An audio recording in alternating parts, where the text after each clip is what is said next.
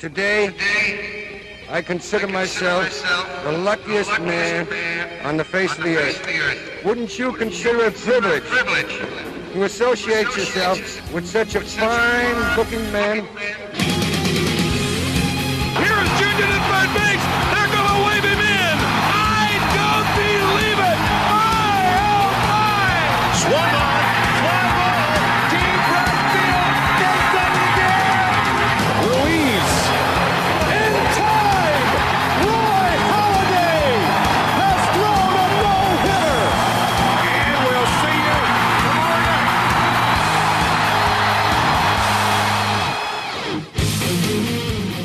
Hallo en welkom bij Just a Bit Outside, de Sport Amerika MLB podcast, aflevering 41 en aflevering 5 van dit seizoen. En we zijn echt begonnen. Opening day ligt achter ons. De eerste officiële wedstrijden zijn begonnen en eh, daarmee hebben we dus meteen genoeg om te bespreken. Mijn naam is Justin Kevenaar, eindredacteur van Sport Amerika en ik zit net als de voorgaande weken met aan mijn zijde aan de ene kant Jasper Roos Hoi. en aan de andere kant Mike van Dijk. Hoi Justin.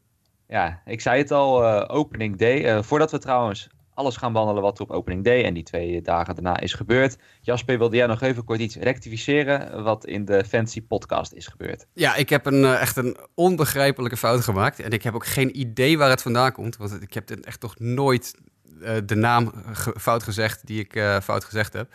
Maar ik heb een van onze redactiegenoten en, en league mates bij echt een volledig verkeerde naam genoemd toen ik de teamnamen op zat te noemen. En nogmaals, ik heb echt geen flauw idee waar dit vandaan kwam. Maar ik heb onze MLB-schrijver Kees Schaaks, heb ik Kees Molenaar genoemd.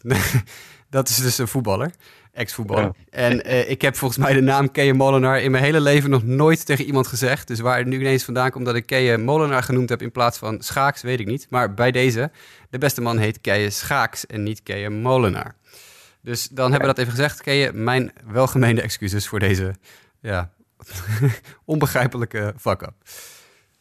Kijk, nou hebben we dat even vermeld. hè. Dat was even niet onbelangrijk om, eh, om inderdaad te vermelden. Dat gezegd hebbende, eh ja, momenten van de week wel natuurlijk vorig jaar elke keer en nu ook. En het is misschien wat lastig om, eh, om uit te zoeken. Nee hoor. Ehm, nee, toch niet? Nou, begin jij er maar meteen. Ja, je drie, weet. drie home runs voor Matt Davidson in één wedstrijd. Dat is, dat is mijn moment van deze korte week tot nu toe. Goedemiddag, opening day voor de White Sox. Ja, precies. Mike, jouw moment van de week?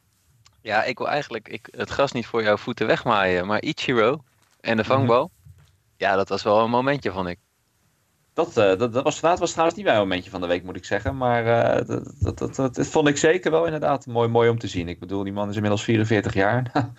Doe het er maar eens na om dan nog zo soepeltjes eh, met je hand over de muur een bal weg te kapen. Het is echt heel indrukwekkend. Nou ja, mijn moment, zeg, ik zat lang na te denken. Ik heb wel één moment en dat is dan misschien toch heel cheesy gewoon. eh, die, die, die allereerste bal die, eh, die bij de Cubs tegen de Marlins, die eruit wordt gejaagd door Ian Happ. Gewoon toch een beetje, eh, ja, dat, ik zeg, het is ook cliché, maar toch een prachtige manier waarop het seizoen dan begint. Meteen met zo'n knal. En eh, ja, dat het echt gewoon duidelijk is, hè, we zijn nu begonnen. En wat ik verder ook gewoon mooi vind, maar dat is niet zozeer een moment, maar meer een algemene tendens, is dat je dan al meteen ziet. We hebben het in onze appgroep ook over gehad, dat ik bijvoorbeeld Jasper zie, die meteen zegt van ja, de Mets misschien toch verkeerd ingeschat. En dat je misschien voor andere teams weer een beetje schrikt. Dat je meteen al een soort overreaction hebt al na twee, drie wedstrijden. Dat je bij sommige teams al denkt van nou, eh, heb ik misschien een beetje onderschat. En andere teams, dan schrik je misschien een beetje van oh wow, dat is echt een stuk slechter dan verwacht. Eh, terwijl uiteindelijk zijn er nog steeds, als ik het mijn hoofd goed zeg, voor de meeste teams 160 à 159 wedstrijden te spelen. Dus eh, uiteindelijk moet er nog genoeg gebeuren. Maar dat vind ik toch wel mooi. Dat je toch al meteen helemaal in, in opgaat. En meteen ja, toch in sommige dingen al eh, te ver meegaat. Maar goed, dat zal de rest van het seizoen uit moeten wijzen. Overreaction theater noemen ze dat, geloof ik. Hè? Precies, inderdaad. En in het voetbal noemen ze dat dan weer Overreaction Monday, inderdaad. Want elke keer dan, eh, inderdaad, het is dan de eerste, tweede wedstrijd en dan ga je het al meteen in mee. Maar zoals ik zeg, uiteindelijk trekt het zich allemaal recht. Dat Mijn, eh, hebben- mijn eh, niet, eh, niet honkbalgerelateerde eh, momentje van de week overigens is het feit dat Justin na een jaar lang aan je kop zeuren... ja, eindelijk een eh, heel goede studio mic hebt aangeschaft voor deze podcast. En hopelijk, hopelijk valt het mensen op en hoop, hopelijk eh, eh, maakt het de podcast nog beter. Maar jij, hebt, jij zit nu achter een beduidend betere eh, microfoon dan de headset waar je tot nu toe een jaar lang mee opgenomen hebt. En dat is ook wel toch Ja. een klein beetje voor mij als eh, producer van deze podcast een momentje van de week. Ja, precies. Nou, waarschijnlijk ook voor mezelf. Ik denk dat het dan ook iets beter te trekken is voor mezelf om naar mezelf te luisteren. Ik had dat ook bij de afgelopen podcast. Dat het klinkt altijd een beetje alsof ik of ergens in de auto zit of zo. Of een Ja, beetje precies. ja. ver weg zit in te bellen. Maar eh, nee, ik, eh, ik zit nu inderdaad met iets betere apparatuur voor me. Dus dat, eh, nou ja, inderdaad, hopelijk voor de luisteraars ook fijner om naar te luisteren. Dat gezegd hebben, laten we snel naar opening day gaan en alles wat daar is gebeurd. Ja, en dan beginnen we opening day dus. Ik zei het net al een beetje. Ik heb het al een beetje, eh, ja... nou ja, het, het voor de voeten weggemaaid, hè, zoals we dat dan elke keer zeggen. Eh, de Cubs tegen de Marlins was de allereerste wedstrijd die er was. Eh, nee, ik nam het als moment van de week. Ian hebt die meteen die eerste bal eruit ramt. En eh, nou ja, Jasper meteen Jose Urania die het daar flink moeilijk kreeg. hè? Ja, nou, we hadden natuurlijk niet heel veel verwacht van Jose Urena en van, van de Marlins. Nou, dat werd ook wel eigenlijk een beetje bewerkstelligd in die wedstrijd.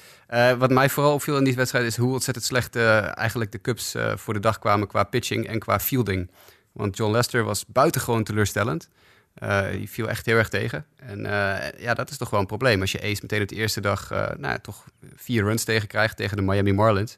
En ja, wat verder natuurlijk een, dieptepunt was, was het echt het lachwekkende spel van Kyle Schwarber in het outfield. Die de ene naar de andere veldfout, error of, of inschattingsfout liet noteren. En daar meerdere de punten door liet scoren. Natuurlijk, ja, de Cubs zijn eh, meer dan genoeg een goed team om dan uiteindelijk toch gewoon een overwinning uit het vuur te slepen. Dankzij Anthony Rizzo, eh, die nog een eh, belangrijke home run sloeg in die wedstrijd. Maar ik denk dat, dat de Cubs toch heel erg op zoek gaan naar een, een andere plek of een andere optie om iets met Kyle Schwarber te doen. Ik, ik sluit het niet uit dat hij halverwege het seizoen gewoon naar de American League gestuurd wordt in ruil voor een, een stuk, een, speler die ze nodig hebben. Ja, nou, ik vind het inderdaad wel bizar als je inderdaad dat moment met Kyle Schwarber zag. Dat, dat je je afvraagt van, hè, ik bedoel, eh, men is dan de hele eh, offseason met hem bezig. Men ziet dat toch ook in de voorbereiding dan. Dan is het wel pijnlijk dat het in zijn eerste wedstrijd dan al, eh, ja, zo wordt exposed als het ware. Dat het gewoon geen goede outfielder is. En dat wist iedereen natuurlijk al. Maar dan zie je natuurlijk die foto's voorbij komen. Hij is in the greatest shape of his life. En dan verwacht iedereen, oh, nu kan die het ineens wel. Maar ja, het is wat je zegt. Mensen die het niet hebben gezien, die zouden het even op moeten zoeken. Die het toch hebben gemist uit die eerste wedstrijd. Het, het, het kon gewoon echt niet. De, de filmpjes Oh, staan in onze recap-artikelen. Dus even terugscrollen op de. MLB-site van Sport Amerika. Dan kan je de filmpjes zien. Het, was, het, zag, er niet, eh. het zag er niet goed uit. Nee, like ik laatst zou zeggen. Ik ga niet zeggen dat ik het beter zou kunnen. Maar eh, het is... eh, er zijn heel veel mensen... je wil het best proberen. ik wil het best proberen. Ja, ik wil het best eens een keer uittesten of ik er misschien toch iets, eh, iets beter zou kunnen. Maar goed, de Cubs won uiteindelijk wel inderdaad die eerste, die eerste wedstrijd in Marlins Park. Maar goed, heel veel mensen die gingen dan toch die wedstrijd uitzetten. Want daarna was een beetje toch wel de wedstrijd waar iedereen naar uitkeek. Eh, de Cardinals tegen de Mets namelijk. Syndergaard tegen Martinez.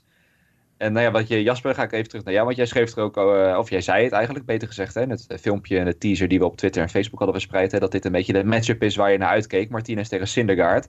Eh, toch iets minder pitchersduel dan we hadden verwacht, hè? Ja, het viel een heel klein beetje tegen. En vooral van de kant van eh, Carlos Martinez. Syndergaard was eh, ja, toch qua strikeouts en zo... en qua fire die uit zijn arm kwam allemaal wel dik in orde. Kreeg wel wat puntjes tegen, maar goed, dat kan altijd. Maar ik vond Martinez een beetje wild en een beetje... ja, hij leek een beetje te, te hyped. En het is altijd een beetje een haat-liefde relatie hè, met de Mets en, en Carlos Martinez. Die zich altijd een beetje als een maloot gedraagt als hij tegen de, Cubs, of tegen de Mets speelt.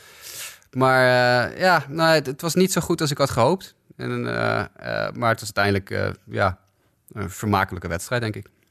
Ja. Nou ja, vooral vanuit de Mets. hè. Ik bedoel, ik, ik zei het net van tevoren al, maar in de appgroep was je toch best wel eh, enthousiast over de Mets, toch? Ja, ik, ik, ik had even stiekem gezegd dat ik... eh, ik heb natuurlijk eh, het hele preseason en in mijn picks ook gezegd... dat ik denk dat de Mets helemaal niks gaan presteren dit jaar. Volgens mij heb ik ze als, als derde of vierde in de divisie. Ik vind dat ze tot nu toe een, een heel verfrissende manier van honkbal spelen. Als je het ook in die wedstrijden van de, de dagen daarna ziet. Eh, ik denk dat die managerswissel heeft echt enorm veel goed gedaan. Want je ziet, deze, deze club speelt nu hard. Er wordt, op alles wordt gerend. Er wordt plezier gemaakt. Ze hebben hun eigen handgebaartjes weer. Het is een team, in tegenstelling tot de jaren onder Terry Collins... dat er altijd gezeik was. Ze zijn tot nu toe ook nog allemaal fit. Dat moet je ook maar even afvragen hoe lang dat blijft. Maar ik vind dat, de dat de Mets tot nu toe een heel vermakelijk soort honkbal spelen. En als ze daarmee doorgaan, dan kan ik wel eens een keer ontzettend op mijn bek gaan... met mijn, eh, mijn preseason predictions wat betreft de New York Mets. Truth Ja. be told, truth be told, de Mets zijn op opening day een van de beste franchises. ja. Dus eh, dat had ik eh, toegezonden gekregen van een van onze vaste luisteraars, eh, Rick, Rick Lindeman. Eh, maar ze spelen goed. En inderdaad, die handgebaartjes. Ik had gisteren inderdaad de wedstrijd te kijken tegen, tegen de Cardinals. En eh, ja, Todd Frazier, die had een, een mooie Ja. eh, driehongslag. Eh, je zag gelijk, er zit een goede chemie in dat team. Ja, Goede energie. Ja, Dus, en ook eh, inderdaad, ik zei ook eh, in, in de preseason show de Frazier dat hij op zou zijn en dat er niet uitziet hoe hij slaat. Nou, het ziet er nog steeds niet heel flitsend uit, maar hij maakt heel veel contact. En als Frazier contact maakt, dan kan het nog wel eens een heel leuk jaar voor hem worden. Ja, nou ja, het is inderdaad, eh, we hebben het in de preview net genoemd. Het is een eh, wat, wat, wat rare mix van best wel oud team. Met niet, ja, helaas niet heel veel jeugdig talent wat eraan komt. Maar inderdaad, eh, ja, vooral gezondheid is denk ik het grootste deel. Hè? Als die oudjes een beetje fit kunnen blijven en tegelijkertijd kunnen presteren met die rotation, die dan ook maar fit moet blijven, dan kan het al met al top meevallen. Maar goed, het, het zijn maar twee, eh, twee wedstrijden natuurlijk. Ja, maar toch, weet je, in ik, ik heb daar eh, die, die, die Mets eh, TV-crew over gehoord van de week. Dat is echt een van de Mhm. beste in de business. Hè? Ron Darling, Ja. Gary Cohen en Keith Fernandez. Fantastische eh, announcer trio is dat. En die vertelde dat, dat Mickey Callaway, de nieuwe manager van de Mets, heeft een soort meritocracy inge- geïnstalleerd in dat team. Oftewel, het maakt niet uit hoe ontzettend ervaren je bent. Het maakt niet uit hoeveel jaar je in de league hebt. Dit is een meritocracy. Oftewel, we gaan op basis van merit, op, op wat je presteert. Hè, als je beter presteert, dan speel je. En dat maakt niet uit of je een veteraan bent of een, of een rookie. Eh, speel je goed, dan speel je. En iedereen wil daardoor hard spelen. Terwijl bij Terry Collins, die heel erg vasthield altijd aan hè, de veteranen, aan de bekende namen, de jongens die het bewezen hadden, is Mickey Callaway gewoon veel meer van, nou ja, als je goed speelt, speel je, punt. En als je niet goed speelt, maakt niet uit hoeveel je verdient of wie je bent, heb je pech. En ik, ik denk dat dat ook een heel goede invloed is op dit team. Je ziet een jongen als Brandon Nimmo, echt fantastisch spelen, rookie. Mhm. Eh, en, en ook de oude gasten, de Adrian Gonzalez's van de wereld en de, en de Fraziers van de wereld, spelen hard, rennen hard, eh, hebben het naar hun zin. Ik denk dat dat een hele goede zet is van, eh, van Callaway. Ja, nou ja, inderdaad, het is in ieder geval hoopgevend wat, wat, wat de mensen in ieder geval laten zien. Nou ja, goed, kijken we dan verder naar wat er opening day is gebeurd. Eh, Twins tegen Orioles, misschien niet eh, de, de meest eh, sprankelende wedstrijd van opening day, maar Mike, ik wil dat toch even naar jou toe, want we zagen wel weer meteen de, de Fernando Rodney experience, die, die liet zich in ieder geval meteen zien. Precies. Hij doet wat hij, waarvoor hij geadverteerd is. Hè? Dus ja, zijn eerste los heeft hij op zijn naam staan. Het is heel, heel pijnlijk. Maar nou ja, fijn voor de Orioles dat ze ook alweer gelijk een win, win binnen hebben. Dylan Bundy gooide die wedstrijd redelijk goed. Mhm. Dus dat is altijd fijn, eh, aangezien de starting pitching in de Orioles toch wel een, eh, ja, een, een, zorgpuntje is. Maar ja, eh, dan kom je aan in, eh, in extra innings. Want eh, na negen innings honkbal stond het 2-2. En de elfde inning kwam Fernando Rodney erop. Ja, en ja, dat pakte helaas eh, verkeerd uit eh, voor, voor de Minnesota Twins. En ze verloren de wedstrijd met 3-2.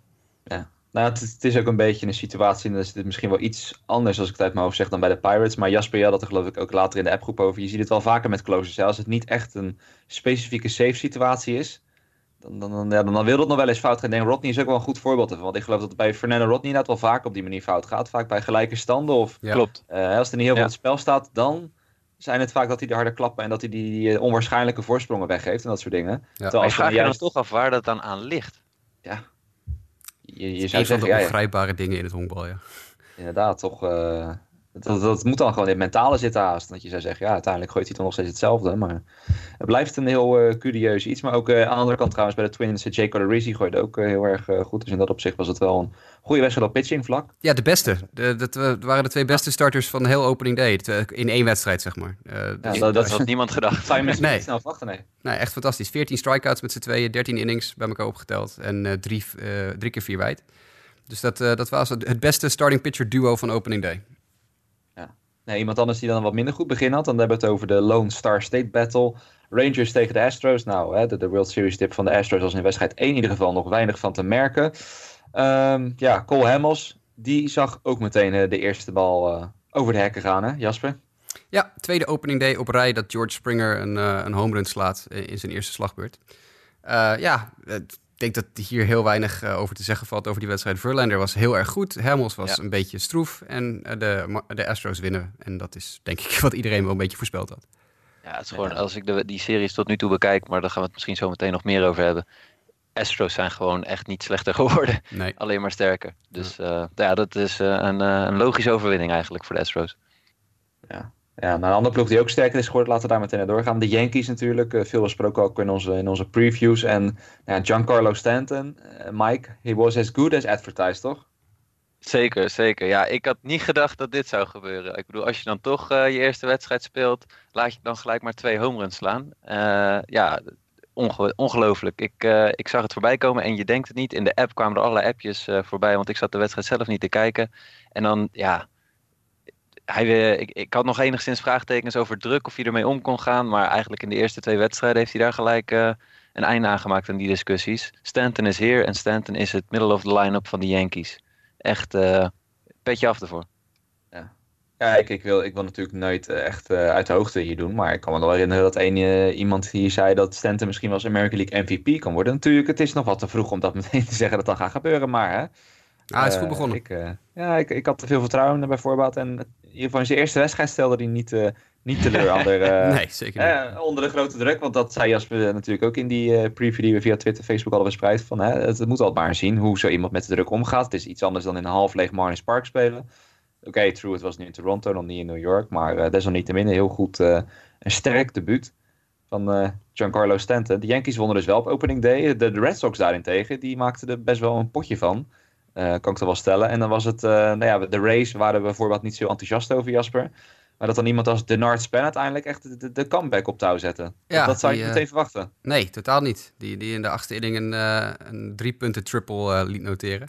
Ja, vo- volkomen implosie van de Red Sox bullpen. Chris Sale opende die wedstrijd als starter en die was echt weer, nou ja, vintage Chris Sale. Fantastisch om naar te kijken is dat toch altijd. Het blijft een, ja, een van de beste werpers in de, in de hele Major League. Eh, en, en ja, dan zie je dat de Red Sox een voorsprong van, van vier runs weten te, te creëren. Eh, Eduardo Nunez met een inside the park home run onder andere. Eh, en dan is het de achtste inning, tweede helft achtste inning. En dan komt de, de bullpen van de Red Sox erin. En dan is het echt, nou, het- binnen de kortste keren was het, het 6-4 voor de race. En dat was echt heel, heel pijnlijk om te zien. Zeker ook omdat je ziet dat, dat zowel Joe Kelly als Caleb Smith... dat zijn de twee relievers waar de punten tegen gescoord werden, de Red Sox relievers...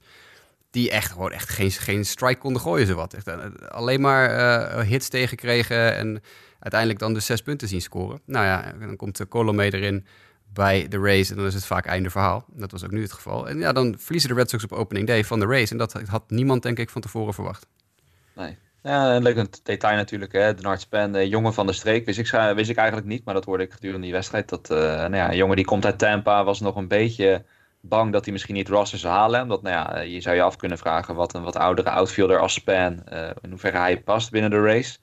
Eh, maar goed, hij mocht toch spelen. Hij heeft het roster gehaald. En dat het meteen zoveel waarde kunnen zijn, dat was wel eh, in ieder geval leuk voor Denard Span zelf. Ehm, verder, eh, toch wel de nodige extra innings. We hadden natuurlijk extra innings bij Orioles tegen de Twins. Eh, maar verder ook die twee wedstrijden zal ik al meteen bij elkaar pakken. We hadden de Angels, die verloren via een walk-off bij de Athletics.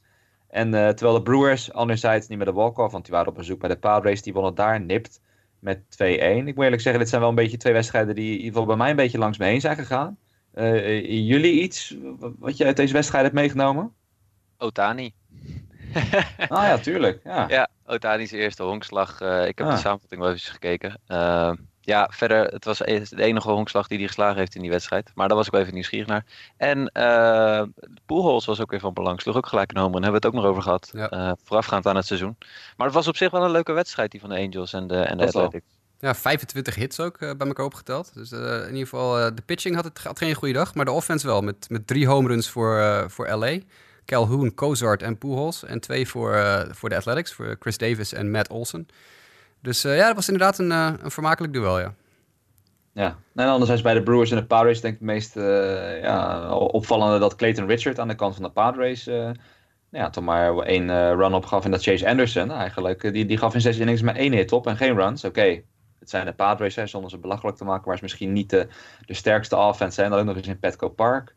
Desalniettemin, uh, wel, wel een, een sterke prestatie. En wel het opvallende, wat ik hier nou meteen zie, is dat wel Corey Knebel daar zijn save uh, Ja. weggaf. Dat is dan daar misschien toch wel lichtelijk opvallend te noemen. Dat was wel een van de meest betrouwbare closers van afgelopen jaar. En die uh, staat dan meteen in de eerste dag aan flater. En dat dan nog G-Man Choi, hè, wie had het niet verwacht, dat hij dan uiteindelijk voor de winnende run verantwoordelijk is. Dat is ook zoiets dat je...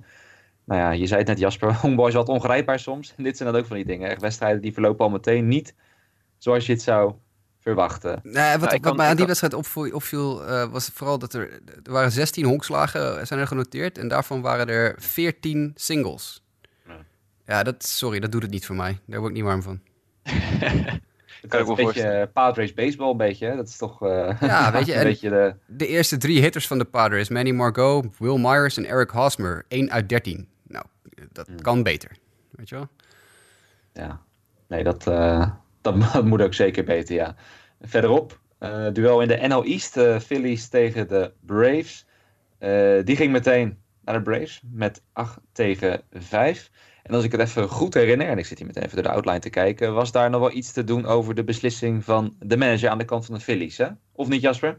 Ja, Gabe Kepler, eh, die, die al naar 5.1 innings Aaron Nola eh, van de heuvel haalt. Terwijl Nola echt geen enkel probleem had eh, tijdens het duel. Eh, 5-0 voor, stond prima te gooien. De Braves hadden heel weinig, konden heel weinig in hem, tegen hem in het geding brengen. En dan brengt hij een reliever in tegen Freddie Freeman. Het is meteen pap home run voor Freddie Freeman. En ja, dat was eigenlijk net de boost die de Braves nodig hadden om, eh, ja, om toch weer terug te komen in de wedstrijd. En met drie runs in de achtste en drie runs in de negende eh weten de Braves uiteindelijk eh, met 8-5 te winnen.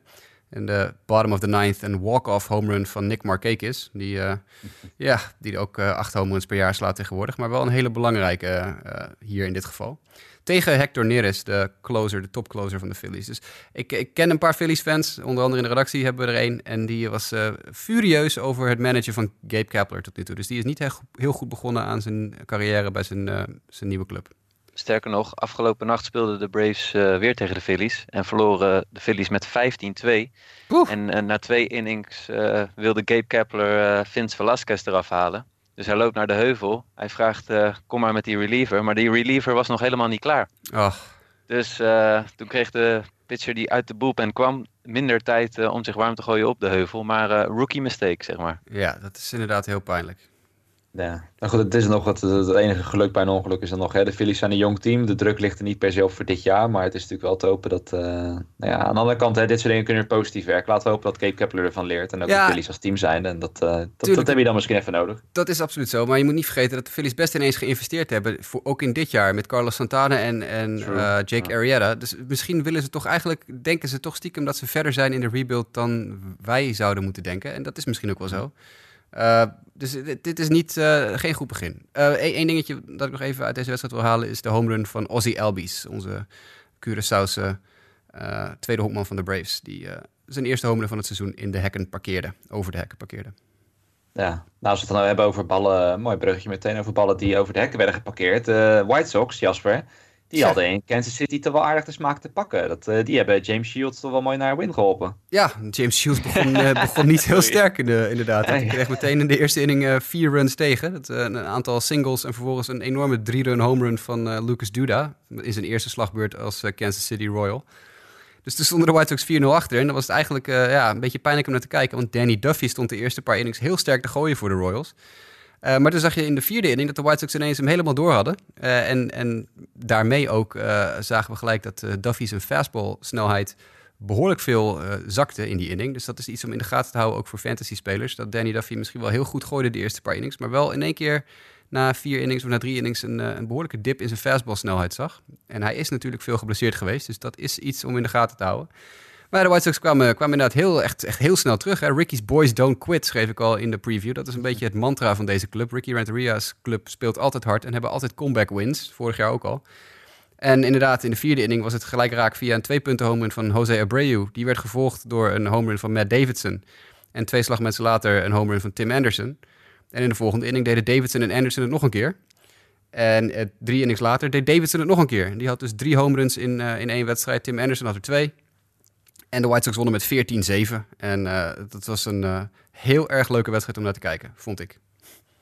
Ja, nou ja, dat mooi om te zien dat de White Sox meteen, ik bedoel, we hebben ze toch een beetje wel gehyped voorafgaand aan het seizoen. Wel met de kanttekening van, hè, het is waarschijnlijk nog te vroeg dit jaar, maar het is wel leuk om te zien in ieder geval op zijn eerste dag dat daar al heel wat, eh, heel wat uitkomt. En nou goed, met Davidson, hè, hij zal dit tempo vast niet eh, vol kunnen Nee. blijven houden. maar- Davidson is op schema om, ik geloof, eh, 210 home runs te slaan dit jaar of zo. Dus dat lijkt me niet eh, helemaal, helemaal haalbaar. Precies, dat, dat, dat lijkt wat onwaarschijnlijk, maar in ieder geval goed meteen om, eh, om te zien. En eh, nou ja, goed, dat was eigenlijk daarmee een beetje de laatste wedstrijd die, eh, als ik het goed heb, een beetje voor ons hier in Europa nog een beetje rond de normale tijd te zien was.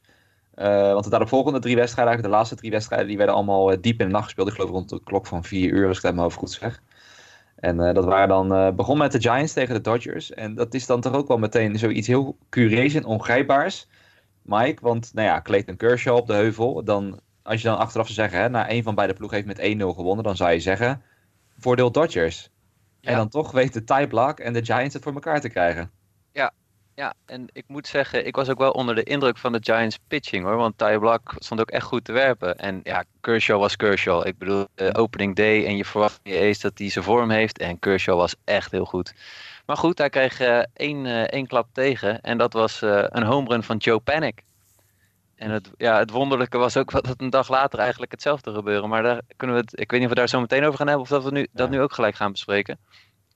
Nou, ja, kan op zich... Ja, kan op zich wel meteen. Want het, het, is inderdaad wel wat je zegt. Beide keren is Joe Panic uh, belangrijk, hè? Ja, want ook op dag 2 was Joe Panic de man die de, het enige, de enige run scoorde door een solo home run te slaan. En dat, uh, die keer ging het om uh, Ken Lee Jensen die een, een home run opgaf. En sowieso zijn er best wel wat closers geweest in die eerste dagen, als je het mij vraagt. We lieten net al een aantal namen passeren, die nog niet helemaal in vorm zijn. Dus het is wel altijd spannend om te volgen hoe dat zich gaat ontwikkelen. Ja, ja, maar, het, het, is wel wat je zegt, ook iemand als Joe Panic. Dat is dan ook niet de eerste die je per se verwacht aan de kant van de Giants, die dan zoiets uh, voor elkaar bokst. Ik bedoel, we hebben het over best wel de grote namen gehad hè, die ze hebben gehaald. Ja. Uh, dus dat is al best wel opvallend te doen. Maar ook, ja, ga er maar aan staan. Op, op dag 1 uh, weet je Clayton Kershaw daarmee te verslaan. Op dag 2 Kenley Jensen. Misschien wel de moeilijkste 1-2 om voor elkaar te krijgen. En als ik het uit mijn hoofd dan nog goed zeg, dat hoorde ik geloof nog in de broadcast voorbij komen. Ook nog een leuk stats dingetje. Dat de Giants daarmee het eerste team sinds 1943 zijn die hun eerste twee wedstrijden met 1-0 weten te winnen. Dus dat is dan toch weer een mooi record wat ze, als ze te pakken hebben. En toch ook wel voor de Dodgers, ja, verrassend. Ik bedoel, vorig jaar hadden ze veel meer lange winning streaks dan losing streaks. Maar hierdoor wel meteen al uh, twee nederlagen achter elkaar. Uh, ten nadele van de Giants, waar toch dan nog steeds veel twijfel rondom is. Het is in ieder geval een, uh, een leuk begin voor de mensen aan de Bay Area. you you ook, can't predict baseball. You can't predict it. Dat, dat, dat is wel maar weer het zoveelste voorbeeld inderdaad. En misschien dat je dat ook wel een beetje terugvindt in de wedstrijd van de Indians tegen de Mariners. Ook uh, diep in de nacht gespeeld voor ons fans in Europa dan. Uh, Indians tegen de Mariners. En ik heb het geloof ik een beetje in de preview gezegd. Uh, ik was zelf wat sceptisch over Felix Hernandez. wat misschien ook wel terecht is. Vooral afgaand op afgelopen seizoen. Hij is niet meer echt, hij lijkt niet meer echt de Cy Young kandidaat die hij ooit was. Maar, Jasper, hij, hij won toch maar mooi even van Corey Kluber hè? Ja, vond ik, vond ik leuk. echt een geweldig pitching duel. Zowel Hernandez als Kluber zagen er eigenlijk fantastisch uit. Kluber had één ja, één mispitch eigenlijk. Dat was de home run van Nelson Cruz in de eerste inning. En voor de rest was, het weer, was hij op, uh, ja, op cruise control, zullen we maar zeggen. En uh, ja, Felix intussen hield uh, de Indians volledig van de honk af. En was eigenlijk, ja, ik geloof dat hij 5,2 innings gegooid heeft. Ik zat heel even tevoorschijn toveren. 5,1 innings. was hij eigenlijk ja, gewoon heel sterk. Twee hits, twee walks, vier strikeouts. vintage Felix, zullen we maar zeggen. Kluber gooide een complete game. Acht innings, acht strikeouts twee earned runs, één walk. Dus Kluber is ook echt gewoon heel goed begonnen aan zijn, uh, aan zijn seizoen. Alleen wel ja, 0 en 1, wel uh, de wedstrijd verloren. Want de Indians offense kon het niet voor elkaar krijgen tegen de Seattle pitching staff. Waar, waar in de, de, de pitching uh, box score staat dus Felix met de win. En Dan Altavilla, Mark Repsinski, Nick Vincent en Juan Nicasio, alle vier met een hold. Hm. En Edwin Diaz met een drie strikeout, negende inning voor zijn save. Dus alle pitchers van de Mariners hebben met die wedstrijd weer een statistiekje verdiend. Ja, nou in ieder geval ook wel mooi om te zien meteen dat de Mariners bullpen zich dan in ieder geval in die eerste wedstrijd goed, uh, goed staan hield. De afgelopen jaren vaak een probleem geweest. Uh, maar goed, in ieder geval, ik denk vooral die combo in de achtste negende inning met Nicasio Diaz. Nou ja, daar werd er wat nodig van verwacht. Maar als de rest daarvoor het nog een beetje in toom kan houden, dan uh, nou, kunnen daar nog wel eens veelbelovende dingen uit gaan komen. De laatste wedstrijd dan, hè, want we hadden natuurlijk Pirates tegen Tigers en Nationals Reds, die waren allebei afgelast. Uh, maar in de desert, Mike, werd uiteraard wel gewoon gespeeld. En de Rockies, nou ja, met name John Gray, die wilde denk ik wel graag wat wraak nemen. Voor een toch wel belangrijk potje wat vorig jaar aan het einde van het seizoen uh, door de Rockies werd verloren. Maar dat, uh, dat zat er helaas niet in, hè? Nee, dat pakte anders uit. De Rockies begonnen wel goed, want DJ LeMahieu zette ze gelijk op een, een 1-0 voorsprong middels een home run. maar goed, ja, daarna draaide het eigenlijk, want in de eerste inning gingen de Diamondbacks er overheen. Scoorden gelijk drie punten. Uh, en, of drie runs. En ja, daarna eh, was Patrick Corbin gewoon heel sterk. Uh, of in ieder geval voor zijn doen gewoon uh, respectable. 5,2 innings, slechts twee runs opgegeven en acht strikeouts. Ja, dat, is, dat, is prima, dat zijn prima cijfers. En de bullpen gaf ook niks meer op. Dus de Diamondbacks gingen eigenlijk vrij eenvoudig naar een 8-2 overwinning. Ja, ja. In ieder geval uiteindelijk de, de, de tweede wedstrijd misschien kunnen die wel trouwens meteen erbij pakken. Aangezien we hier nou toch naar dag 2 gaan. Want de, de, tweede wedstrijd, die heb ik dan zelf uh, terug zitten kijken via mijn uh, hele leuke algoritme, wat ik wel eens eerder heb uitgelegd, uh, dat ik gewoon random een wedstrijd uitkies. Nou, ik ging voor de Rockies Diamondbacks even snel. Dat bleek geen hele verkeerde keuze, Mike. Want ik weet niet of jij hem ook hebt in zijn terug zitten kijken, maar dat was best wel een, Oké, het was misschien niet, hè, als je echt puur honkbal geweest bent, dan kijk je het allermooiste potje. hè. Niet echt een pitching duel, maar het was wel heel vermakelijk. Ik heb niet eh, terug zitten kijken, maar ik heb wel de samenvatting Ja. gezien. En het was zeker, dat ging alle kanten op.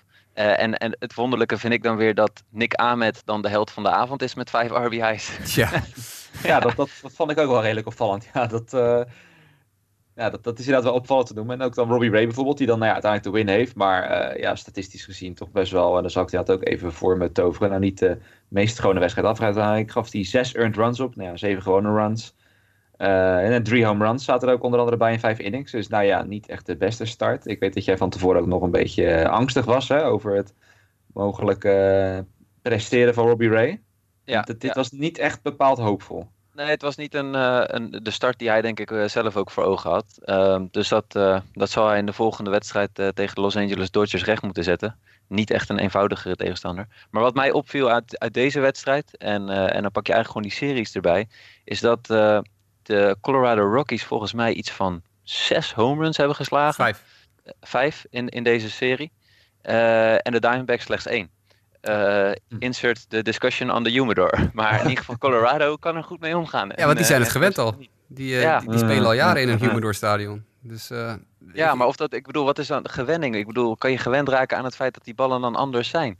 Ja, misschien, ja, ik, ik weet het niet. Ik heb nooit op honkballen geslagen die in een koelkast gelegen hebben. Maar misschien dat ze, dat ze hun, weet ik veel, dat ze, dat ze nog iets meer, dat, ze, dat de Diamondbacks vorig jaar meer line drive swings hadden die eruit vlogen.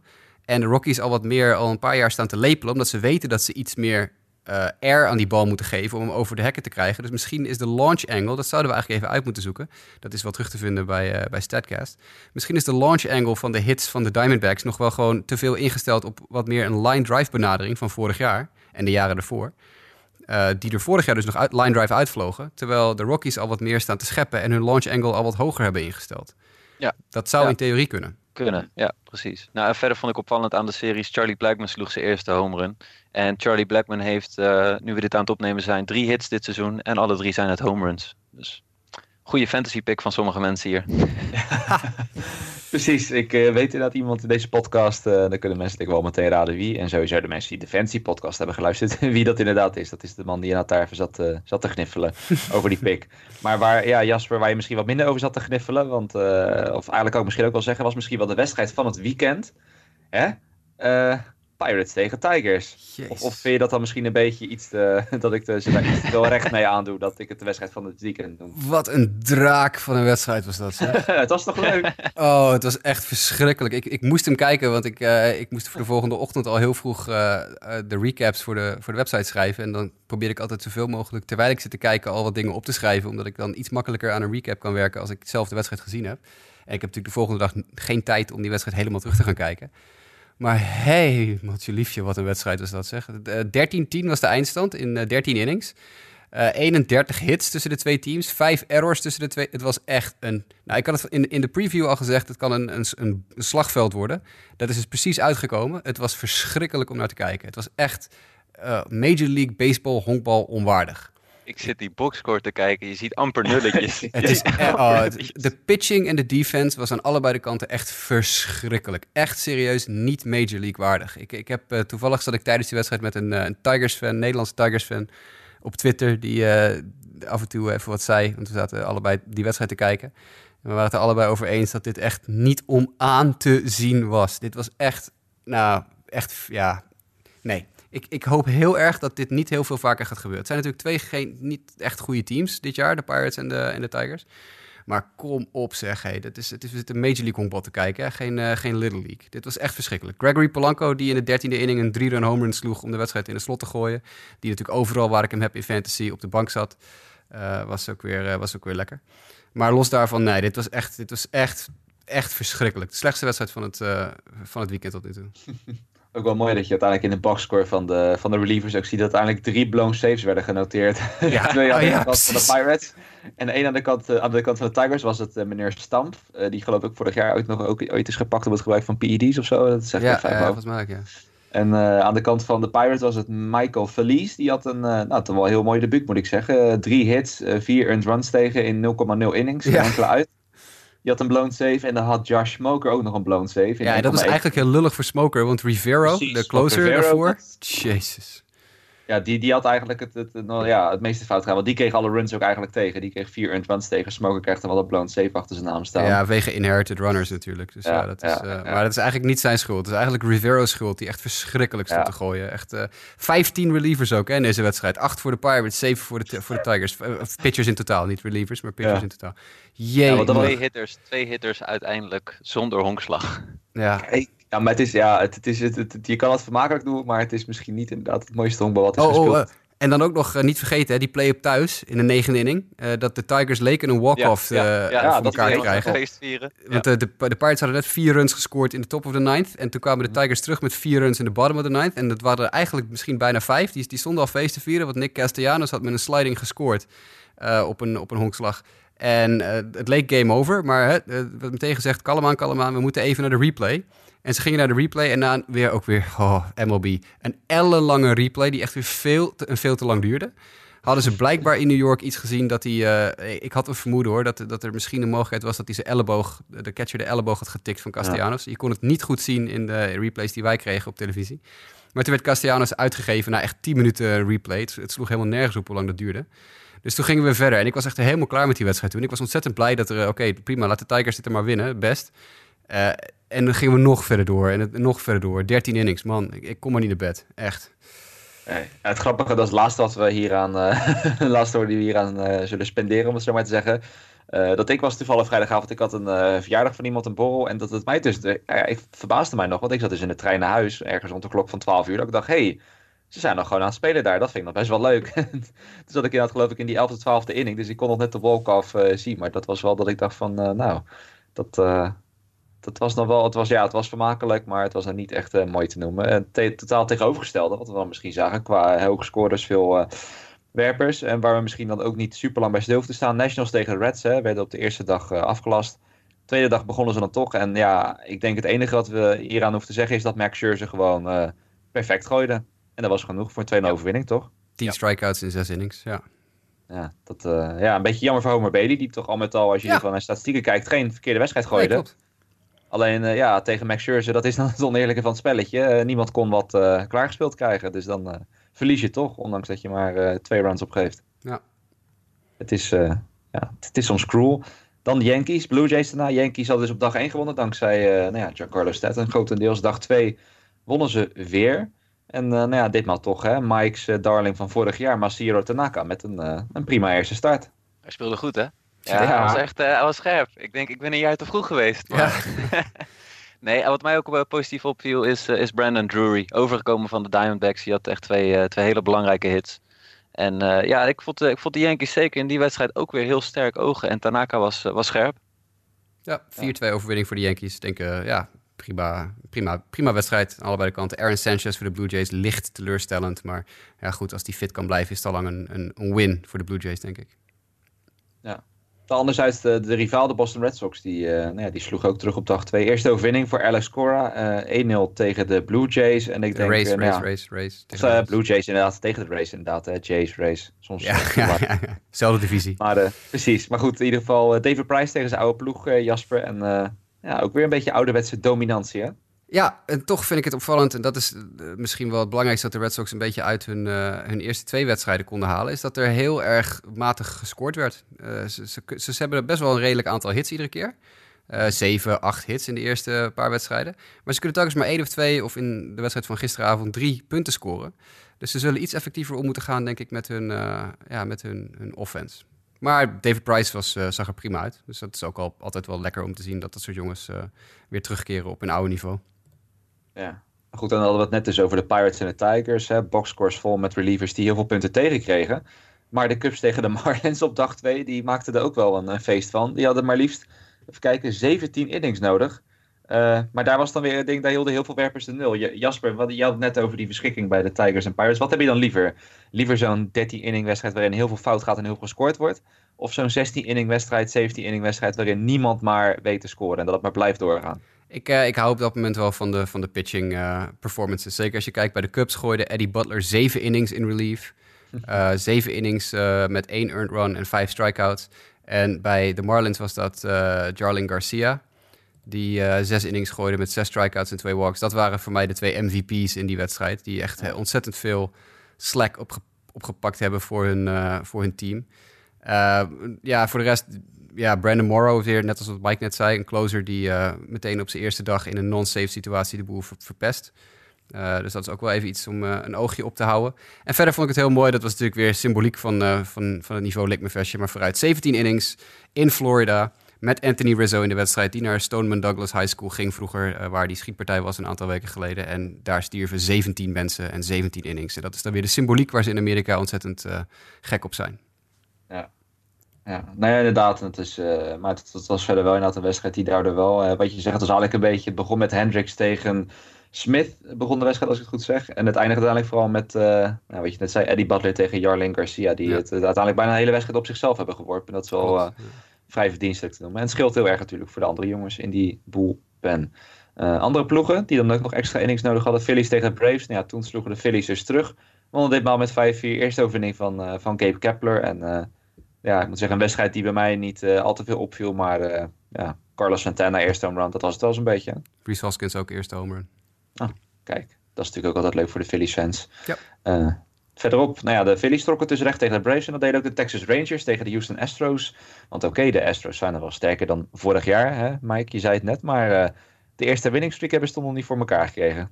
Nee, en wie, als je nou kijkt naar de pitching decisions, win Doug Vister, los Dallas Keuchel. Kom op, dat is toch eigenlijk een beetje bizar, toch? Omgekeerde Ja. wereld. Ja, Maar eh, alles, eh, eh, alles wel, eh Doug Vister gooide gewoon redelijk goed die avond, of niet die middag. En, en de Rangers lieten ook gewoon aan de offensieve kant echt wel een paar, paar goede dingen zien. Goede klappen van Joey Gallo, ook van Mazzara met een home run. Ja, ze kunnen, ze, kunnen wel, ze kunnen wel wat. Maar is, sowieso, ik blijf erbij dat ik ook de Astros in deze wedstrijd wel, wel goed vond hoor. Dus ja, maar 5-1 is afgetekend. ja. Nee, precies. Precies. Goed, dan na Diamondbacks tegen Rockies al het net over gehad. hè. Diamondbacks wonnen in die nogal eh opvallende wedstrijd met 9 tegen 8. Kwamen daardoor op 2-0. Al zouden ze uiteindelijk de dag daarna wel nog een nederlaag leiden tegen de Rockies. Eh, daarna Angels tegen de Athletics hadden we weer. De Angels trokken daar weer recht. Weet ook 1-1 die series. Ja. Eh, daar Ik vooral... eh, ik, ik wil wil je wat over zeggen. Ik wil wat Hm. over zeggen. nou, Tyler het. Skaggs, Tyler Skaggs is terug in de vorm die hij had toen hij debuteerde in de MLB. Hij, heeft echt weer, eh, hij is echt weer goed.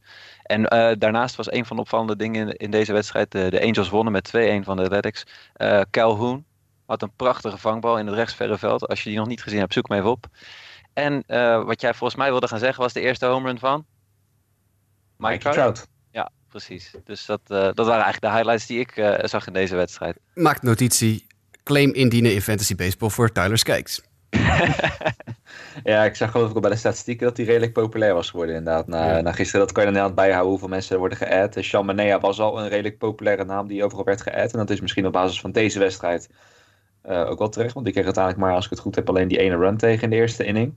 Klopt. Eh, maar ja, Tyler Skaggs is wel leuk om te zien. Een beetje zo'n jongen waarvan je, ik in ieder geval, af en toe vergeet van, ja, die is er eigenlijk nog.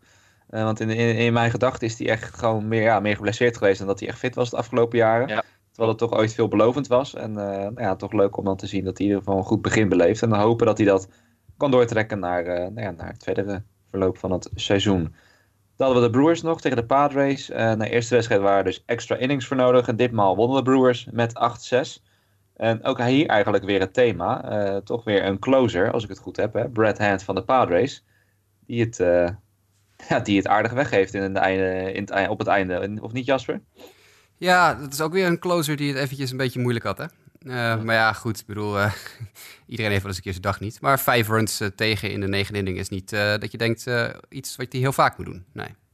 Nee. Nee, dat dan omgekeerd inderdaad. Want was Corey Knebel die de dag daarvoor verpestte. En die was dan juist nu weer wel degene die dan de deur dicht hield op in de negende inning. Dus dat, eh, ja...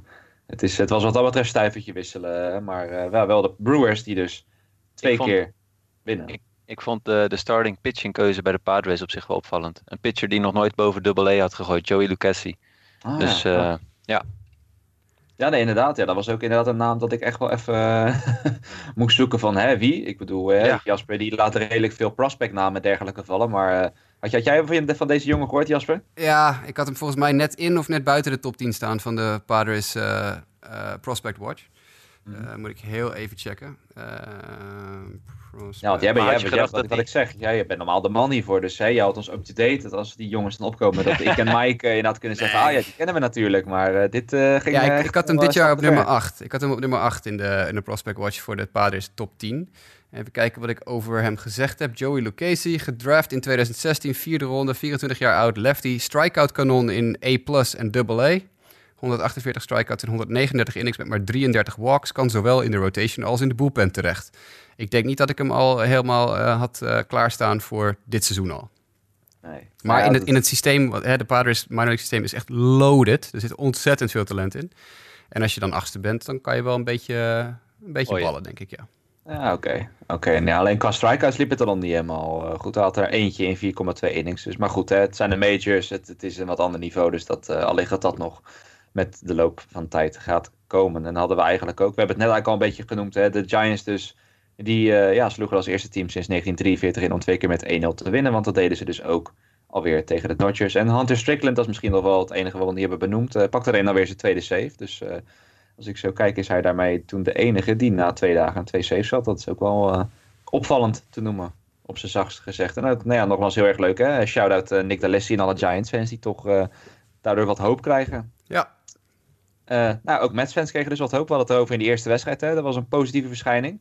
En in de tweede wedstrijd werd dat denk ik tot wel tot op redelijke hoogte voortgezegd. Of niet, Jasper? Want, eh, nou ja, Jacob de Grom, goede wedstrijd. eh, genoeg offense. Het, eh, prima performance, toch? ja. Ik, nogmaals, ik, ik ben verbaasd en blij verrast met hoe de Mets het doen tot nu toe. En dat deden ze gisteravond ook weer. Dus het is ja, eigenlijk gewoon een serieus team in de gaten te houden. Travis Darno's eerste homerun, Johannes Cespedes eerste homerun. Eh ja, leuke wedstrijd. Ik vond Swarzak ook, eh, Ja, ik heb hoewel die wel iets, eh, maar ik vond hem, eh, ik vond het wel niet, niet verkeerd. Ik denk heb- dat ze daar wel een goede arm aan hebben. Ik heb een zwak voor Anthony Swarzak natuurlijk, die eh, deze revival in zijn carrière te danken heeft aan Don Cooper. Eh, ik heb een zwak voor hem. Ik vind het een geweldige reliever. Ja, ja dat, dat is dan hier misschien ook wel. Want uiteindelijk familie eindigt dan de wedstrijd. Nou ja, AJ Ramos dan niet eh, voorbij gekomen. Maar wat ik zei, dat drietal eh, kan toch wel eens nog een, een goede verrassing eh, vormen voor de Mets. Of nou ja, verrassing. Hè? Ik bedoel, iedereen kent ze wel van naam, maar toch. Eh, Robert Kezelman trouwens, misschien nog leuk om te vermelden, had een hold in deze wedstrijd. Nu toch al twee keer uit de boel ben gebruikt, als ik het goed heb. En Ja. twee keer ook goed. Eh 0.00 ERA. Dus nou, kijk eens aan. Het gaat toch wel steeds wel eerste beter keer. met, Die eerste keer één inning, drie strikeouts. ja, daarom. Ik bedoel, dat, dat geeft de burger toch moed. Die had hij dan één strikeout en 0.2 innings. Dus twee mannen uitgegooid.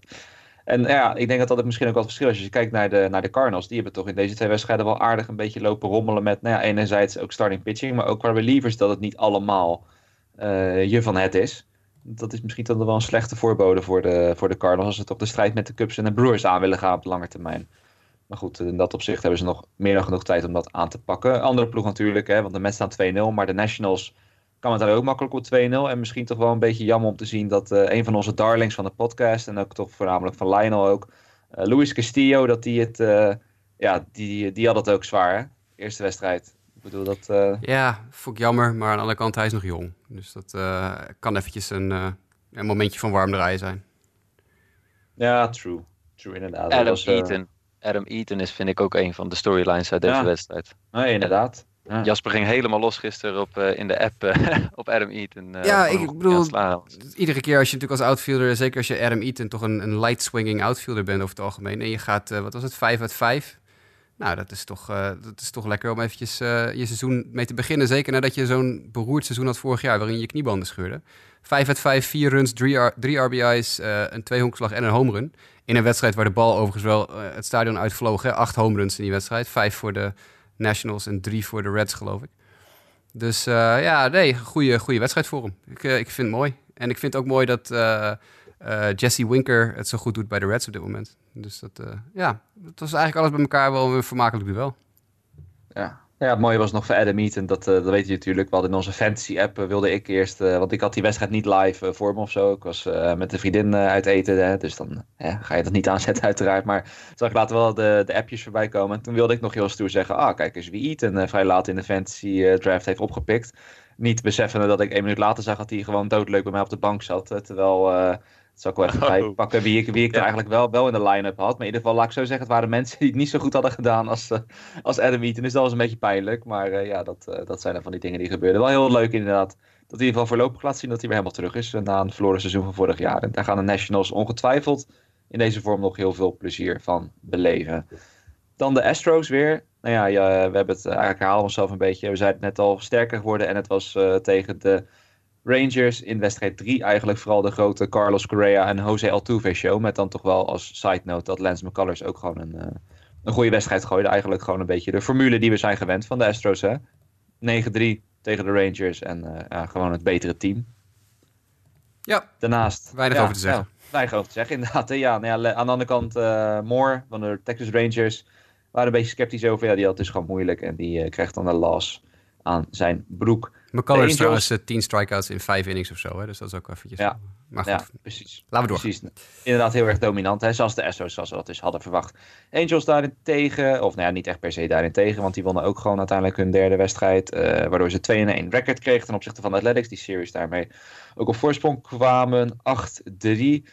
Eh, nou ja, ik zit even hard op te denken. Zijn hier eigenlijk dingen. Ik zie Zach Kozart had een goede wedstrijd. Eh, ja, verder gewoon degelijk overwinning. Niet, niet heel veel bijzonderheden, toch? Of, Nee. eh, nee, Niks. het is een, Moving on. Nee, precies. We gaan alles niet afstrepen, mensen. Je ziet het, we gaan alles langzaam afstrepen. Het wordt steeds, wat dat betreft, misschien wel apart. Eh, Na opening day werd het steeds iets minder spectaculair. Maar eh, daarna de Yankees. eh, toch de eerste nederlaag van het seizoen. Helaas geen perfect record dit jaar de MLB voor de Yankees. Eh, Het, eh, sommige mensen hadden het misschien wel op gehoopt na die eerste twee wedstrijden. Het moest even ophouden. Eh 5 tegen 3 voor de Blue Jays. En ik denk het meest opvallende wel eh, de rol van Kevin Pillar in dit hele verhaal, toch, Mike? Ja, ja, nee, dat klopt. Eh, kwam op het honk via een honkslag en steelde vervolgens de diverse honken terwijl er twee uit waren. Waaronder ook het thuishonk. En eh, ja, ik geloof dat Betances toen eh, aan, aan het werpen was. Die was verrast eh, door het stelen van het thuishonk. En eh, ja, die, ja, hij gooide gewoon heel slecht aan. Waardoor de bal doorschoot en Pilar eh, het punt scoorde. Dus dat was wel een, eh, een sensatiemomentje in, eh, in Toronto. Ja, nou, ik vond het vooral mooi, dat zei ik nog van tevoren tegen, te- tegen Jasper, hoe, ja, hoe paniekerig je Betensis volgens die bal gewoon in de grond ziet maaien, als het ware. Dat hij, hij ziet Ja. Pilar lopen en gewoon, gewoon echt bizar. Dat je, ja, als niet-honkballer zou je dat zien en dan denk je heel makkelijk van, nou, hij kan toch gewoon die bal rustig gooien en dan heb je hem makkelijk. Maar toch, eh, ja, mooi om te zien wat voor paniek dat veroorzaakt en hoe Kevin Pilar daarmee toch wel eh, de, de voorsprong eh, kon uitbouwen. Over paniek gesproken bij de Yankees. Die moeten een klein beetje in paniek gaan op dit moment. Eh, want Mhm. die verloren Billy McKinney met een, eh, aan, een, aan een blessure. En die was net opgeroepen om in het outfield eh, in te vallen voor een, een andere geblesseerde outfielder. En op dit moment is het zo, ik zal heel even kijken of ik het lijstje tevoorschijn kan toveren, dat de Yankees geen outfielders meer hebben. In de zin van, ze hebben er drie. En die spelen elke wedstrijd dus, Stanton, Judge en Gardner. En de rest is allemaal geblesseerd. Jacoby Ellsbury is geblesseerd, Aaron Hicks is geblesseerd, Frazier is geblesseerd. Eh, en dat betekent dat ze eigenlijk eh, ja, dus geen backup outfielders hebben. Brandon Drury zou in theorie eh, kunnen invallen in het outfield. Maar ze zijn volledig door hun outfielders heen. Want ze hebben er ook nog één of twee verkocht afgelopen winter. En op hun 40-man roster staan dus geen outfielders meer. Dus als ze nu een nieuwe outfielder op willen roepen... dan zal dat er eentje moeten worden die uit de minors komt... en op het 40-man roster gezet moet worden. Wat ze natuurlijk liever niet doen. Ze hebben verder alleen nog Miguel Andujar, Gleyber Torres... en een, een of andere vage catcher hebben ze op, eh, hebben ze op een, eh, een 40-man staan. Nou ja, die ga je niet oproepen. Zo, voor Torres en voor Andujar is het veel te vroeg. En die catcher die kan je niet outfield zetten. Dus eh, ja, ze moeten nog eventjes iemand eh, eh, van het 40-man roster afhalen. Als ze dat zouden willen. Om bijvoorbeeld iemand, een minor leaguer als Shane Robinson of zo eh, op, op te roepen. Want ze hebben nu wel een probleem. Want Ellsbury kan pas vanaf 5 april weer opgeroepen worden eh, vanaf de DL. Die staat nu op de DL. En die loopt pas 5 april af. Dus op dit moment zitten ze zonder outfielders. Overrated, eh, outfielders, overrated. Ja, ja ze, ik kan het zeggen. Misschien hebben we hier een trade-kandidaat gevonden voor Kaal, Kaal Schwarber. Hè? Ik bedoel, dan, eh, dan kan, kan hij ze misschien helpen hebben. Tenminste, nog iemand die wat ervaring heeft. Ik wil niet zeggen of het goede ervaring is, maar dan is er tenminste nog iemand die kan zeggen: ah, ik heb er wel veel wedstrijden gespeeld. Maar goed, dat, eh, we, gaan, we gaan zien of de Yankees dat eventueel gaan overwegen. Ik, ik zou het eh, geen slim plan vinden, maar we gaan het zien. Ehm, even verderop, de Mariners. Eh, we hadden het erover, Felix Hernandez had een hele goede eerste wedstrijd. Misschien wat verrassend. Daarentegen James Paxton, eh, Jasper, die had het dan weer wat zwaarder. En dat geef, is je toch hem aan, wel geef je hem aan. Jasper? Geef je hem dan aan Jasper? Ah, jij mag er ook wat over zeggen hoor, Mike. Nee, nee, dat je er zelf wat over zegt. Ja, nou ja, het is. eh, ik, heb het, ja, ik, zei, ik, ik kon het niet, niet live zien, maar ik had het achteraf gezien en het. ja, het was jammer. Ik, eh, ik zat live te kijken en eh, het was niet even goed. Nee, altijd. Ik had eh, die wedstrijd aangezet juist omdat ik graag Paxton even wilde zien. Mhm. En eh, die Grand Slam in de eerste inning van Jan Orlando, de eerste Grand Slam van het seizoen, dat was een hele dikke hoor. dat was, eh, die zat er goed op. En gedurende de wedstrijd nog een paar keer dat er echt, eh, echt stevig contact werd gemaakt hoor, tegen Paxton. Dus hij moet eventjes nog een paar dingetjes eh, zelf uitzien te vogelen. Wat, wat zonde is, want aan de andere kant zie je dan dat ze Carlos Carrasco toch ook wel aardig, eh, aardig beet hadden. Met, eh, Ja. met, met vijf earned runs die ze op hem scoorden. En dat je dan ziet dat hun bullpen van de Mariners zelf vervolgens wel weer de nul hield. Maar eh, ja, het nadeel was dat de Indians bullpen hetzelfde deed. Met onder andere Miller en Allen natuurlijk aan het einde. Dus dat, ja, dat had weinig nut. Dus ja, eigenlijk een beetje alles ging dan zoals je zou hopen. Behalve dat de Paxton start eh, flink tegenviel. Dus dat was in ieder geval heel jammer om, om te zien. Even verderop dan, eh, ja, laten we die andere wedstrijden, ik zit even snel doorheen te scrollen. Eh, Red Sox Race zie ik hier, 3-2. Rick Porcello, hè, Jasper, jouw favoriet, die daar Ja. de, de overwinning oppikte. En, De eerste, eh, nee, eerste home run voor Xander Bogaerts in die wedstrijd. Die Ja. heel goed aan het slaan is. Hè? Ja, die staat echt goed te slaan. Ja. Mhm. En leuk te dansen, want hij is allemaal eh, Fortnite-danspasjes aan het doen op het tweede honk. Dus hij speelt blijkbaar ook eh, de videogame Fortnite. Ja, precies. Ja, dan zit ik hier wel te kijken. De, de, de Twins tegen de Orioles. Ik wilde bijna zeggen, daar was iets heel opvallends. Maar daar hadden we wel eh, bijna een combined no-hitter, lees ik hier, Jasper. Ja. Ik weet niet, ja, ik, ik heb zelf de wedstrijd niet echt meegekregen, eh, moet ik eerlijk bekennen. Maar Eh, ik ook niet. Ja. Eh, want ik heb eh, van gisteren eigenlijk alleen maar kijk, drie wedstrijden gezien nog. Maar ja, blijkbaar inderdaad een combined no-hitter. Ik zag de headline ook vanochtend dat de Twinkies bijna het voor elkaar kregen. Alleen in de allerlaatste inning werper Moya, Gabriel Moya, die, die een paar hits tegenkrijgt en, en twee runs Mm, eh, op een home run. Maar inderdaad, Kyle Gibson en Alex Presley waren eh, goed in, in vorm. ja, ik, eh, ik noem ja. hem dan Alex Presley, maar hij is natuurlijk Ryan Presley. Ryan Presley, ja. En ik zit eigenlijk wel hier, eh, terwijl ik het doorlees, dat het Jonathan Scope uiteindelijk de Bostoner was. Die eh, voorkwam eh, een stukje geschiedenis aan de kant van de Minnesota Twins. Eh, Kijk, wat dat- nee, dat is Tim Beckham. Oh, Tim Beckham. Tim Beckham sloeg... Ja, oké, ja, Schoop sloeg de, de honkslag eh, waar de no-hit- de no-hitter inderdaad Ja, mee opgebroken precies, werd. En de home, run, eh, de home run was van Beckham, ja. Precies, kijk, dan hebben we alles op orde. Ja, je hebt gelijk, je hebt gelijk, je hebt gelijk. Kijk, gelukkig, ja, precies. Altijd even, ja, het kan ook dat eh, natuurlijk de MLB.com fouten maakt. Hè? Nee, Maar, dat- dan hebben we het fout. helemaal op orde inderdaad. Eh, verder zie ik hier nou Cubs na 10 innings, eh 10-6 tegen de Marlins. Brad Ziegler die daar nogal veel punten op geeft. Eh, dan de Phillies tegen de Braves, ook een flink pak slaag. Nou ja, je zei het net al een beetje, Mike, eh, 15-2. En dat Velasquez er al na twee innings eh, af moest, als ik het goed heb. Hè? Want laten we even kijken, hoe lang heeft hij voorgegaan? Nou, 2.2 innings inderdaad. 9 hits tegen, 7 earned runs, 2 walks. Het is al met al eh, wel, wel jammer. Ik bedoel, Velasquez was ooit toch wel een, een hele veelbelovende werper. Is die nog steeds wel, denk ik. Klopt. Maar eh, Hij heeft het nog niet echt, laat maar zeggen, over een langere periode tot nu toe kunnen laten zien. Dat hij het, eh, dat het talent dat hij heeft, dat hij dat gewoon, eh, dat hij een steady starter als het ware is. Hij blijft wat mij betreft een beetje hangen in zijn ontwikkeling. Althans, vorig jaar vond ik dat ook. eh, maar ik weet niet hoe Jasper als onze prospect watcher en development man daarnaar kijkt. Ja, ik, ik vind het altijd heel moeilijk om zo vroeg in het seizoen daar dingen over te zeggen. Dus ik, ik, ik reserveer nog eventjes mijn, mijn Ja. mening tot, tot Ja. over een paar weken. Is genoteerd in ieder geval. Ja. Dan eh, de White Sox 4-3 tegen de Royals. Nog steeds ongeslagen. Dat is perfect record, Jasper. Dat, Enige eh, American League team dat ongeslagen is. Ik, eh, wil, ik wil het toch even gezegd hebben. slingers kunnen uit, champagne kan ontkurkt worden. Ja, dat is iets wat ze er niet meer af zullen nemen. Dat ook ze ook weer een comeback winnen. Ook weer drie runs in de achtste inning om terug te komen. En een bom van een home run van Johan Moncada. Echt, echt een, echt een ongeluk. 113 mijl per uur exit velocity. wat ook echt ook knetterhard is. En dan, eh, als je natuurlijk de, die van Matt Davidson van een paar dagen eerder eh, zag, dat waren drie home runs van 114 minimaal mijl per uur exit velocity. Maar Moncada dus 113. Echt heel hard. En, eh, en Wellington Castillo met zijn eerste hit, dat was een, een 2 RBI double. Dus ja, de White Sox winnen weer in comeback fashion. En Joaquim Soria krijgt zijn eerste save. Voor de mensen die nog op zoek zijn naar een goedkope closer, Joaquim Soria. In fantasy. Precies. Nou goed, iemand die ze waarschijnlijk niet meer kunnen krijgen is Wade Davis. Maar die pikte ook zijn eerste save op. Want eh, Mike's Diamondbacks verloren dan toch voor het eerst. Na wat eh, redelijk hoogscorende wedstrijden werd dat 2-1 voor de Rockies. Nou ja, goed. Mike, je kan, ze niet, eh, je kan ze niet allemaal winnen. Kan natuurlijk gebeuren. Dan verderop de Padres. Nou, die zitten dan, als ik het goed heb, toch nog als enige... Nee, niet als enige team zonder overwinning. Wel als enige team dat nu drie nederlagen heeft. De eerste sweep van het seizoen was deze. Precies, inderdaad, Brewers wonnen met, eh met, met 17. Luis Perdomo, die, eh, die was naar de verliezer, kreeg redelijk wat punten tegen. Christian Jelic, 5 voor 5. Lorenzo Kane ook nog steeds hartstikke goed bezig, geloof ik. Ik weet niet precies hoeveel hits die al heeft, maar is geloof ik aardig op dreef. Dus uh, nou ja, we, voorafgaand waren we heel positief over de Brewers. En vooralsnog lijkt dat heel goed uit te pakken.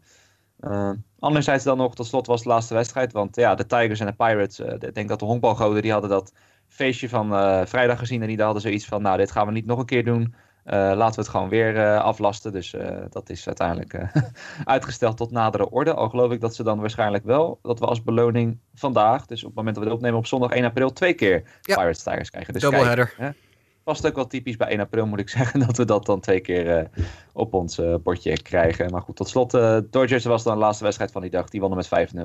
Eerste wedstrijd van het seizoen. Kenta Maeda, die pakte daar de overwinning ten opzichte van Derek Holland. En hebben we eigenlijk elke wedstrijd wel zo'n zo beetje gepakt. elk moment ook een beetje gepakt. Dat gaan we de rest van het jaar natuurlijk uh, niet zo nee, uitgebreid doen. Maar dit is opening day weekend. Dus ja, opening precies. weekend. Goed, goed we... om te vermelden dat we niet nu elke keer uh, alle zeven dagen bij, bij, gaan pakken en dan uh, per wedstrijd af gaan vinken. Maar dat was inderdaad nu voor de gelegenheid. precies, nu leek dat ons de beste, de beste optie om alles even kort te behandelen. De enige zijn dan misschien nog even kort wat, wat blessures. Mike, vaak je vaste blokje. Misschien even wat belangrijke, belangrijke punten om, om eruit te pakken. Ja, nou ja, een aantal dingen zijn er ook wel uh, voorbij gekomen, zoals de situatie in New York uh, bij de Yankees met het outfield. Maar opvallende namen die ik in ieder geval even wil melden, melden is de blessure van Salvador Perez, uh, die tijdens het, een, een, ja, hoe zeg je dat? Het, het, tillen van tassen op een trap zijn MCL heeft afgescheurd. En hij hoeft niet geopereerd te worden, maar is in ieder geval vier tot zes weken uitgeschakeld. Dan hebben we nog Greg Bird, de eerste honkman van de Yankees, die de laatste week van springtraining nog geblesseerd raakte. En dat is natuurlijk ook een beetje zuur. Uh, want daarmee hebben de Yankees nog minder opties op hun roster. En uh, Mark Melanson, de closer van uh, de San Francisco Giants, is met een flexor elbow strain voorlopig uitgeschakeld. Zelfde blessure als vorig jaar, hè? Ja, daar zat ik ook aan te denken. Ik was even benieuwd wat jouw perspectief was op deze blessure. Ik, dit gaat veel langer duren dan mensen nu denken. Dat, Hunter Strickland is de closer in San Francisco. Ga daar maar vanuit. Ja, dus uh, zorgen wat dat betreft in, in San Francisco. En volgens mij hadden we nog een pitcher gerelateerde vraag in San Francisco. Of vergis ik me dan? Ja, klopt. Zullen we gelijk door naar de mailback dan? Bruggetje. Ja, bruggetje. Ja, Mike, Mike die bouwt bruggen tegenwoordig. Uh, Klaas de Velde die mailde ons. Die heeft ons al een paar keer gemaild, ook vorig jaar. Heel leuk. Klaas, dankjewel voor je mail. Uh, hij mailt ons het volgende. Beste heren, wat leuk dat de podcast terug is. Ik heb zelf veel zin in het seizoen van de Giants. Kijk, dus zijn we ook bij de Giants. En ik had goede hoop totdat uh, Jeff Samardzija en Madison Bumgarner geblesseerd uitvielen. Er wordt nu en dus nu ook Mark Malensen. Uh, er wordt nu gezocht naar goedkope vervanging, maar welke mogelijkheden zijn er nog op de pitchingmarkt? Zijn Bartolo Colon en Scott Casimir, die worden genoemd, goede alternatieven? Mike. Goed is heel relatief, want ik Juist. heb gekeken naar welke armen er beschikbaar zijn. en er is, er is, op dit moment echt, ja, je komt echt in die categorie uh, namen wel terecht. Uh, de namen die mij het meest interessant leek voor wat er nu nog beschikbaar is, is iemand als Ricky Nolasco. Maar ja, dit zijn wel de namen waar je het in moet zoeken. Ik weet dat John Leckie is volgens mij nog beschikbaar. Nou, dan heb je Casimir, Colon, Nolesco. Dat zijn eigenlijk allemaal jongens van ruim boven de 30, sommigen boven de 40. Uh, en ik denk dat op dit moment de, de Giants dan ook zoiets hebben van... laten we even kijken hoe de jeugd het doet. En als we zien dat die zich echt niet kunnen, staande kunnen houden op het hoogste niveau... ja, dan moeten we zo'n speler contracteren. Maar er is uh, ja, vrij weinig tot niks beschikbaar, vind ik, uh, wat, wat echt van waarde kan zijn als, als starting pitching optie in de MLB. Maar ik weet niet of jullie andere namen hebben die ik misschien over het hoofd zie. Nou, ik denk, ja, pff, nee. ik, ik word niet heel gelukkig van die namen die jij noemt. Dus als ik de, nee. als ik als de Giants was... Inderdaad. nee, precies. Ik, ik zou daar gewoon even dippen in het minor league systeem. Dat, die, de kwaliteit die je daar krijgt is net zo goed. En dan kan je, namelijk niet zo goed. En dan kan je net zo goed die jongens even een beetje ja, wat, wat, wat tijd gunnen. Misschien in de rotation. Ik, ik ja, zie de niet, naam, één naam die nog uh, de, met de binnen schiet. Maar ja, die is dus net gecontracteerd. Is Giovanni Gallardo. Ja, ja die, die dat was een mooie bij de Reds. Ja. ja. die tekende vorig afgelopen weekend nog bij de Reds. Nou, ja. ja. Ik, ja, ik weet niet. Ik denk dat de Giants even uh, beter in hun minor leagues kunnen, kunnen dippen. Of een tradeje kunnen maken. Niet zo'n super indrukwekkende trade, maar een, uh, een, een, nuttige speler ergens anders vandaan plukken of zo. Want uh, nee, ik, ik zou niet zo heel gelukkig worden van Casimir en Cologne. Nee. Nee, dat lijkt me inderdaad wel, wel duidelijk. In ieder geval bedankt Klaas voor je, voor je vraag. hadden wij nog één ander ja, niet zozeer een vraag, maar meer een, een, opmerking. En dan kun je misschien meteen een bruggetje maken naar een heel st kort stukje fancy voordat we af gaan ronden. Want Jasper, we hadden Tja. nogal uitgebreide eh, fantasy eh, mail, begreep ik van jou. Fantastische mail. Eh, even kijken. Bart Derks van de Fan, dankjewel voor je mail. Echt een gewel, een epistel van heb ik jou daar. Eh, over fantasy. En ik heb het voorzitten lezen aan, eh, aan Mike en Justin voordat we de uitzending opnamen. En ik heb geen woord eh, laten zitten, want het is echt een fantastisch verhaal. Bart vertelde ons vooral dat hij ja, de, de fantasy baseball episode erg leuk vond. Feest van herkenning enzovoort.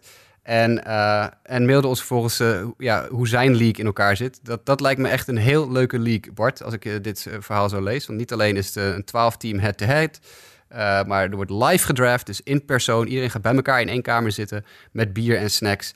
En dan wordt de, de draft in plaats van op de computer gedaan, wordt dat met z'n allen gedaan als groot feest.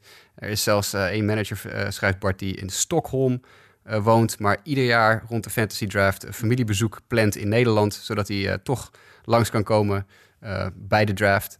Eh, alle, alle regels kwamen langs en, en, en Bart beschrijft eh, in detail en met heel veel humor hoe het regelmatig eh, in de league gaat tijdens de draft en ook later. Eh, ze hebben eh, eh, wekelijkse meetings nu en dan met z'n allen zondagavond bij iemand thuis met de ESPN Fantasy Cast opens en een, een wedstrijd op het scherm of meerdere wedstrijden op het scherm. Dat er een hele fantasyavond georganiseerd wordt. Er is één iemand in de league die hele verhalen schrijft op de, op de homepage van de fantasy elke week om, om alle matchups even door te nemen. Eh, Bart schrijft ook dat ze het, het daar het leukst vinden, omdat het natuurlijk elke week een beetje anders is. Erg spannend elke week. De winst hangt heel erg af van één steal of error, meer of minder. Eh, hij stuurt een screenshot mee van die verhalen die meegestuurd worden. En als klap op de vuurpijl eh, schrijft hij dat vijf man uit de Fantasy League en, en één andere persoon die niet in de league zit, met, dat ze met z'n allen naar de VS gaan in mei voor een tiendaagse MLB roadtrip. En daar 1, 2, 3, 4, 5, 6, 7 wedstrijden, als ik het goed zie, gaan aflopen. Onder andere Yankees, Red Sox, eh, Tigers, Mariners, Indians, Royals. Nou, en nog een hele handvol eh, wedstrijden. Eh, Nationals, Yankees ook nog. Dus ja, dit, dit is echt een fantasy league, denk ik. dat jullie gaan voor de prijs meest dedicated fantasy league van Nederland. Dit is was een fantastisch, ja. heel tof verhaal om te lezen. Heel leuk, Bart. Dankjewel voor je mail. Echt, echt heel leuk om te lezen. Ja, en dat is wel, wel leuk om te zien dat wij niet de enige eh, hè, gekkies zijn, om het zo maar te zeggen, die, die heel erg bezig zijn met fantasy baseball. Dat, er zijn nog veel grotere fanaten. Dat is heel grappig om, om, mee te krijgen hoe fanatiek eh, andere mensen daarin zijn. Natuurlijk ook sowieso leuk dat ze naar deze podcast luisteren. Dat is alleen maar mooi. Ik bedoel, daar doen we het immers toch voor. Want ja, we willen misschien nog heel kort over onze eigen fantasy league. Misschien wel even leuk om te benoemen. Want nou ja, we hadden vorige keer heel uitgebreid de draft behandeld. Ja, Eh, en, en we kregen naar aanleiding van die draft ook een aantal mails eh, Mhm. eh, of, of opmerkingen via Twitter dat het leuk was dat we dat een keer deden. En dat het leuk zou zijn als we af en toe eens een keer nog wat meer fantasy in de uitzending zouden verweven. Dus dat doen we dan maar een heel klein beetje nu nog aan het eind. Ja, nee, nou, we hadden dus eigenlijk, nou ja, dat, dat ga je dan natuurlijk krijgen. De draft is geweest en dan krijg je dat mensen die waiver kijken, hey, die staat er nog op. Hè. We hebben natuurlijk de Mark Melanson situatie, die leidt dan tot een nieuwe closer in San Francisco. De Brad Boxberger situatie, ja, je zou het niet verwachten, maar Brad Boxberger was ineens echt een, misschien wel de meest gewilde persoon, omdat hij de closer werd de laatste moment van Diamondbacks. En dan zit ik een beetje te kijken en eh, ja, even kijken. Ik had zelf bijvoorbeeld, eh, misschien leuk om te zeggen, mijn eigen team. Ik had wel meegedaan aan de Boxburger sweepstakes, maar eh, ja, werd ver overgeboden. Want uiteindelijk was het de Nima Rookies van, hè, niet Kees Molenaar, maar Kees Schaaks. Eh, die eh, gaf maar liefst 72 dollar. We hebben dan wel een redelijk hoog budget, moet gezegd worden. 1000 dollar, free agent budget. Het is nog, wat dat betreft, onze league een beetje experimenteren, moeten we toegeven. Maar toch 72 dollar voor de voorlopige closer van de Diamondbacks is vrij veel. Ik kwam zelf alleen maar weg met Ryan McMahon. En het grappige is daar, ik gaf daar best wel veel dollars aan uit. 50 dollars. Eh, maar ik kan me niet heugen. Ik weet niet of jullie dat trouwens konden zien. Ik geloof niet dat er iemand was die überhaupt ook nog veel geld er tegenover had gezet. Ja, ik, ik Hij- drie, drie dollar. Jasper, Nou ja, daarom toch een, een significant verschil van 47 dollar. kijk. Dus met iets minder had ik er ook wel uitgekomen. Met, eh, nou ja, met die 7 eraf, met 4 dollar, 5 dollar had ik er ook geweest. Ja, dat was nog Eh. notabene voordat Ian Desmond geblesseerd raakte. Hè? Dat wij een, een, een bedrag op Ryan McMahon zijn hoofd hadden gezet. Ja, ja. Nou goed, dat is dan weer de voorspellende gave die ik had. Eh, nou, jullie nog opvallende zaken? Eh, Mike, jij misschien eerst die, eh, die eh, opvielen bij die transactions van de waiver wire? Nou, ik vond dat ik eh, eh, mijn outbidding van Brad Ziegler, ik had 1 dollar geboden en iemand had 0 geboden. Ja, vond ik wel wel strategisch. Ja, Ke- Keijer had nul geboden inderdaad. Dat, ja, ja ik, ik heb gewoon, ik had toch niet zoveel closers, dus ik moest er een hebben en ik zag dat hij nog beschikbaar was. Ik vond eh eh, Sean Manaya, v- vond ik wel een opvallende ook wel, die gaat voor 23 dollar eh, naar een ander team. Eh, Naar Nick, ja. ja, en ik heb vaak zoiets dat ik probeer, ja, ik ben best wel, eh, economisch met dat soort dingen. Ik probeer dan een, een, een, eh, een pitcher on the cheap te krijgen. Dus eh, we Ja. gaan het zien dit seizoen. Maar ja, eh, opvallend verder was nog eh, Matt Davidson. Eh, Jasper gaat all in.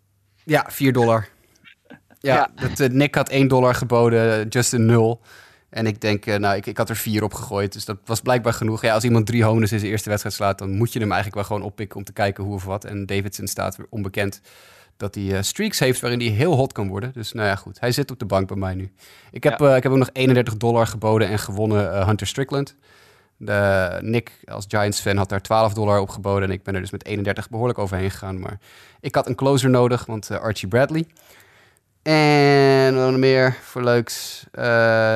Nou, dat is het wel zo'n beetje. Oh, Chris Ja, Iannetta voor 2 dollar naar, naar Jimmy.